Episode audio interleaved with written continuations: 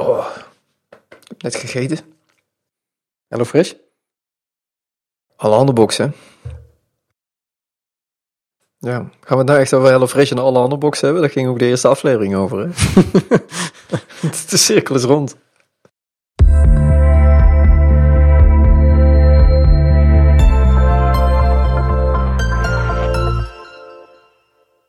Ik had net uh, even voor de grap uitgeteld. We hebben gewoon 18,5 uur hebben we inmiddels opgenomen. Jeetje. Dat is bijna net zo lang uh, als een Lord of the Rings film. Ja, je zou bijna de hele dag een keer naar ons kunnen luisteren. Ja. Je moet er niet aan denken. Een uh, uitgeklokt marathon. Misschien ook goed om te stoppen terwijl het nog mogelijk is. Hè? Dus ja. Hè? Is dit de show? dit is de show, ja. Ik hoor die muziekje net niet. Oh ja. ja. Nou, we, we, zitten er al een tijdje mee. ja, ik weet niet zo goed hoe ik dit moet brengen. Maar ik ga het toch maar doen. Ik zeg het maar gewoon zoals het is. Ja, twee weken overgeslagen.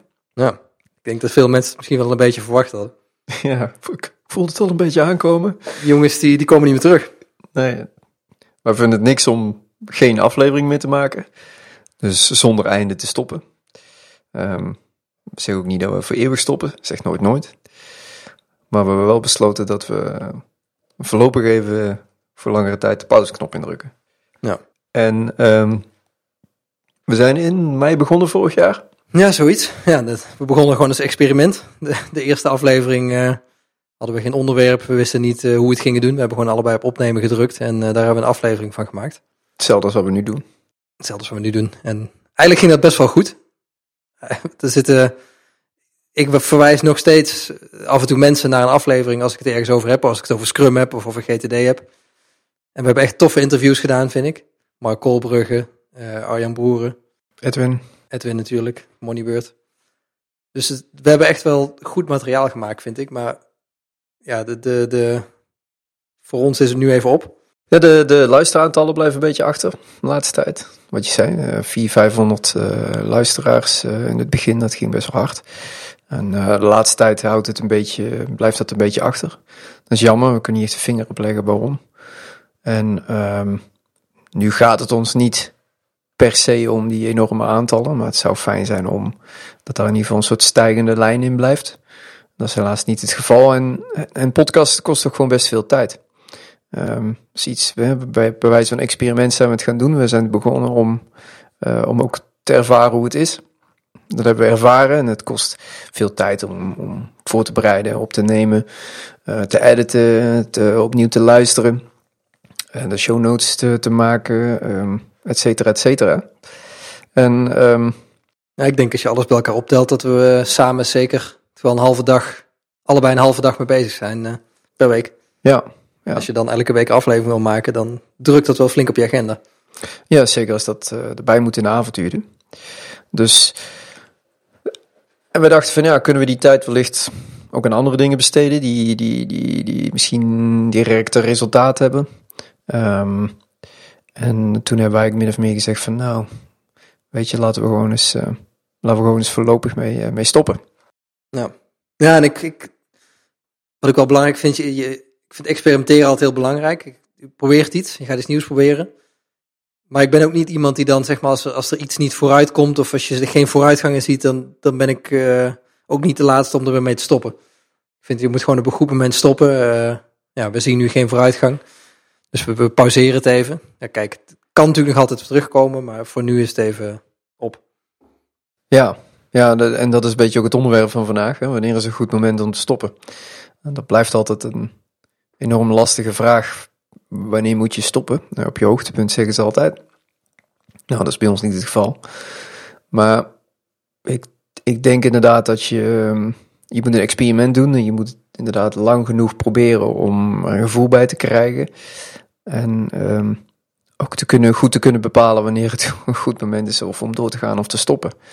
Um, maar je moet ook denk ik niet bang zijn om iets aan de kant te gooien, om iets anders uh, te kunnen beginnen of aan iets anders door te werken.